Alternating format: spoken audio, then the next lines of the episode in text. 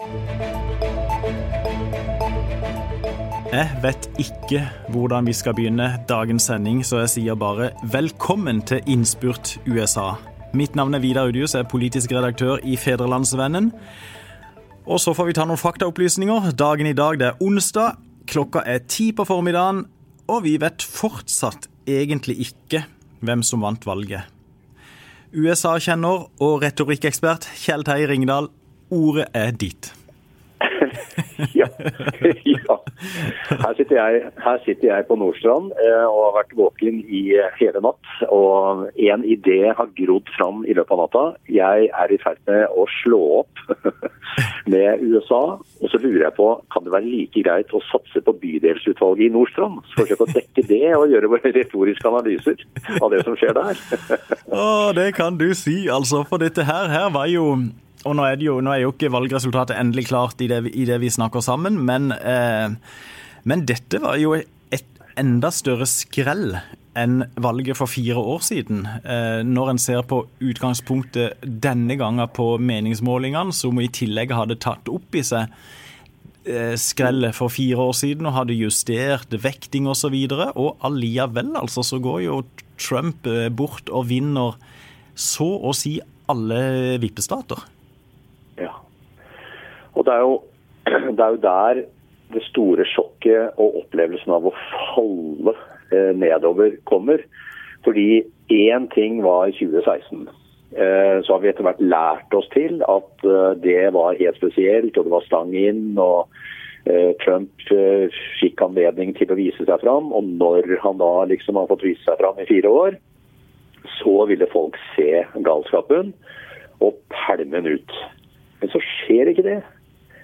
Det er altså mulig å drive et land som sett med våre øyne da, eh, er ganske mm, autokratisk, udemokratisk og alt som vi syns er fælt. Og i tillegg, meningsmålingene klarer heller ikke denne gang å fortelle oss at det kommer til å begynne å snø om fem minutter. Det er jo, det, det er jo nesten ikke til å tro. Eh, men så må vi jo, eh, vi må jo allerede tidlig i denne sendinga bare krype til, til, korset, du og meg også, Kjell Terje, og si at vi, eh, vi, var jo også blant de som tok feil. Og jeg tok mest feil. Jeg tippa jo OK, nå er ikke det, de, de nasjonale tallene er ikke klare, men jeg tippa jo eh, seks prosentpoeng opp på, på, Joe Biden, og du hadde 4,5 prosentpoeng, så vi, ja, vi må også um, ta selvkritikk.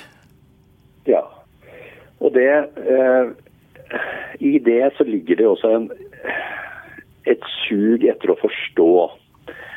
Fordi eh, Jeg tror nok at veldig mange nordmenn og veldig mange nordeuropeere og veldig veldig mange i hele verden eh, har tenkt det samme som oss. At eh, den måten å drive et land på, det funker ikke. Og vi må stole på at de meningsmålingene som kommer, de er riktige. Og så gjør vi våre analyser basert på det. Men så skjer ikke det. Så min lille konklusjon her jeg har sjangla rundt uh, i Ørska og tenkt, er trumpismen vant. Uansett om han nå blir president eller ikke, så kan vi slå fast at Trumps politikk, måte å drive politikk på, måte å snakke med sine tilhengere på, vant fram. Så de som da har etterlyst en sånn obduksjonsrapport og analyse fra republikanske partier etter dette valget, de kan bare glemme det. Fordi republikanernes oppsummering vil da være 'dette funker'. Uh, og det er jo ganske fælt å se på. Og da er vi tilbake igjen til det kulturelle. Vi ser altså på et land, et USA, som veldig mange av oss er glad i. Og så forstår vi ikke hva som skjer. Vi forstår ikke de strømningene og den frustrasjonen og det raseriet som Trump da tydeligvis fyrer opp under. Og det, jo, og det, er jo, eh, på en måte en fattig trøst at heller ikke halvparten av USAs egen befolkning antagelig forstår den andre halvparten. For nå hadde jo, nå hadde jo altså demokratene hatt fire år på seg på å forberede dette. De hadde, de hadde plukka ut den presidentkandidaten som de mente var best egnet til å slå eh, Trump. De, eh, de, hadde, de, hadde, lagt om strategier etter det som skjedde for fire år siden, og de har hatt en president som, som er omstridt, for å bruke et forsiktig ord. Og så har de på toppen av det hele da fått en, en pandemi som har tatt livet av foreløpig 230 000 mennesker, og som langt inn i det republikanske partiet det er enighet om at denne presidenten ikke har håndtert på en god måte. Og sannelig, altså, så går han hen og får de resultatene han fikk nå i natt, og som vi endelig ikke kjenner eh, det fulle omfanget av. Men det er jo eh, det er jo helt ellevilt. Samtidig, Kjell Terje, så tenker jeg jeg blir jo imponert over Donald Trump. Nå er jeg spent. Ja, å ja, ja, ja. Du, jeg, Nei, men han har jo sett ting som veldig få andre har sett. Han har reist rundt i disse nøkkelstatene.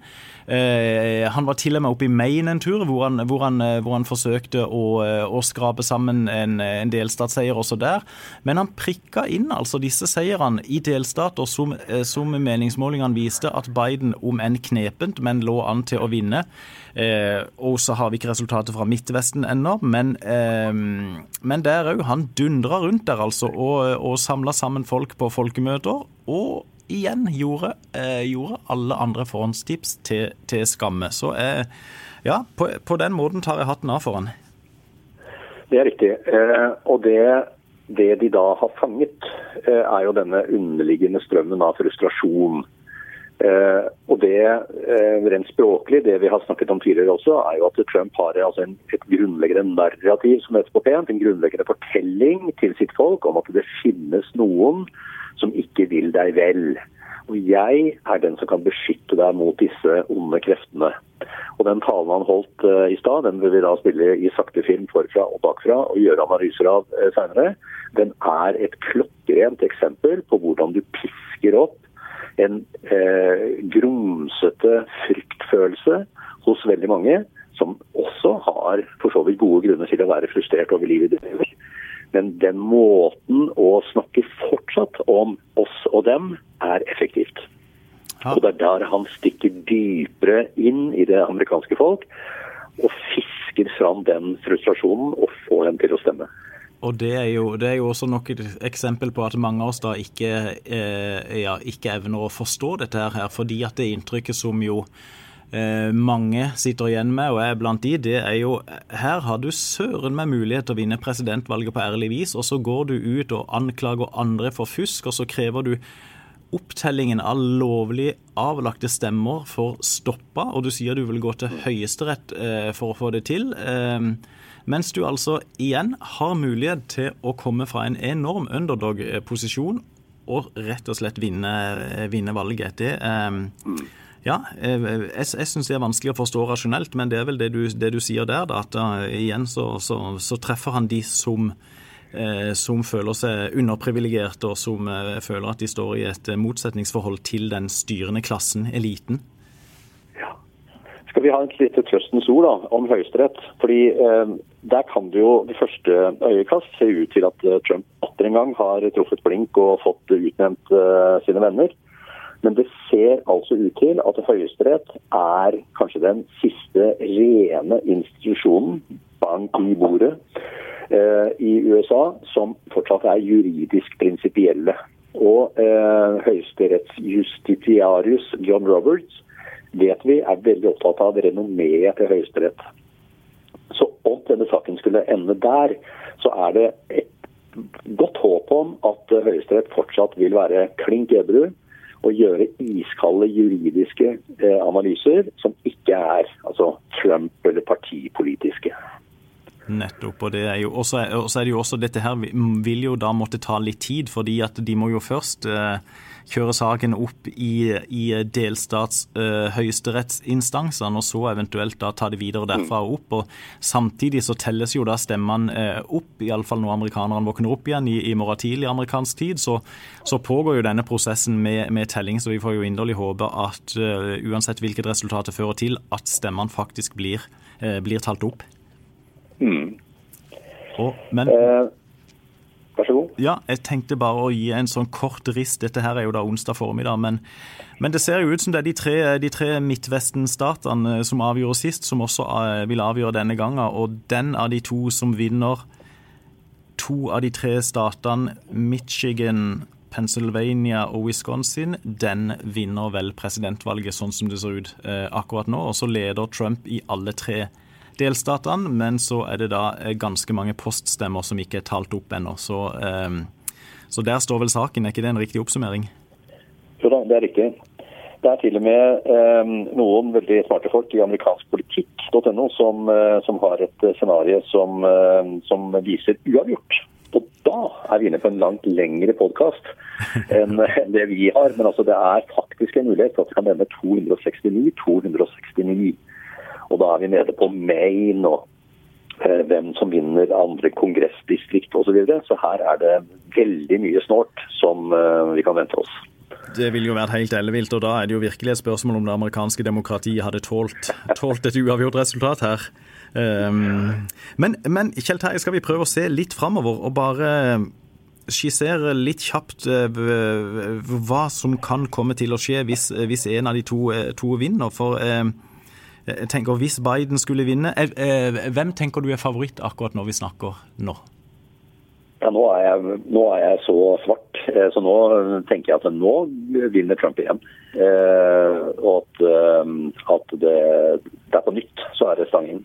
Ja, nettopp. Da, for å skape litt eh, det, eh, dynamikk i sendinga, så tipper jeg da på, på Biden. Jeg lærer ikke av mine feil. Så eh, da gjør vi sånn. Men, men hva, hva, eh, hva, tror du eh, ligger foran USA hvis da din kandidat vinner, Trump? Hva, hva, fire nye år med Trump, er det, er det mulig å peke på eh, ett, to, tre hovedpunkter, tror du, som, som ja. ja, altså Først og fremst så blir det jo nå det blir jo mer av det samme. Og dette vil jo da være en maktstinn Trump som vil fortsette sin presidentperiode enda mer eneherskersk enn en han uh, har vært. Uh, og Det er jo en fare for at uh, internasjonale relasjoner altså Trump har jo allergi mot, mot internasjonale avtaler som inneholder flere enn bilaterale avtaler. sånn at det er jo en fare for at internasjonalt samarbeid får enda vanskeligere tider. Og som The Atlantic også skriver nå, at den grunnleggende troen i USA nå om at dette valget er rigget på en eller annen måte, det gjør at troen på de demokratiske institusjonene faller. Og det igjen, sier Anne Applebaum, det kan føre til ekstremisme, radikalisme og eh, ekstreme politiske uttrykk fra den ene eller den andre siden. Så uansett her, om du eller jeg får rett, så er det fare på ferde. Altså. Det dystre. Dette høres, høres dystert ut. Da, da, da, samler vi oss i håp i hvert fall om at, om at han andre kandidaten vinner, men, men det ser jo ja, det ser, Nøkternt sett så ser det jo ut som at Trump har et overtak nå inne i inn i opptellingen av disse her, her eh, poststemmene og de andre forhåndsstemmene som, eh, som, som, er avgitt. Eh, hvis Biden da mot formodning skulle vinne, så er jo iallfall håp at vi får tilbake en versjon av det USA som vi kjenner, og som vi har mange av oss lært å bli glad i, i form av en støttespiller i det internasjonale samfunnet, med feil og mangler, men som tross alt har vært med å bygge opp viktige avtaleverk. Eh, og F.eks. dagen i dag som vi snakker sammen, så trer jo USA etter planen ut av Parisavtalen.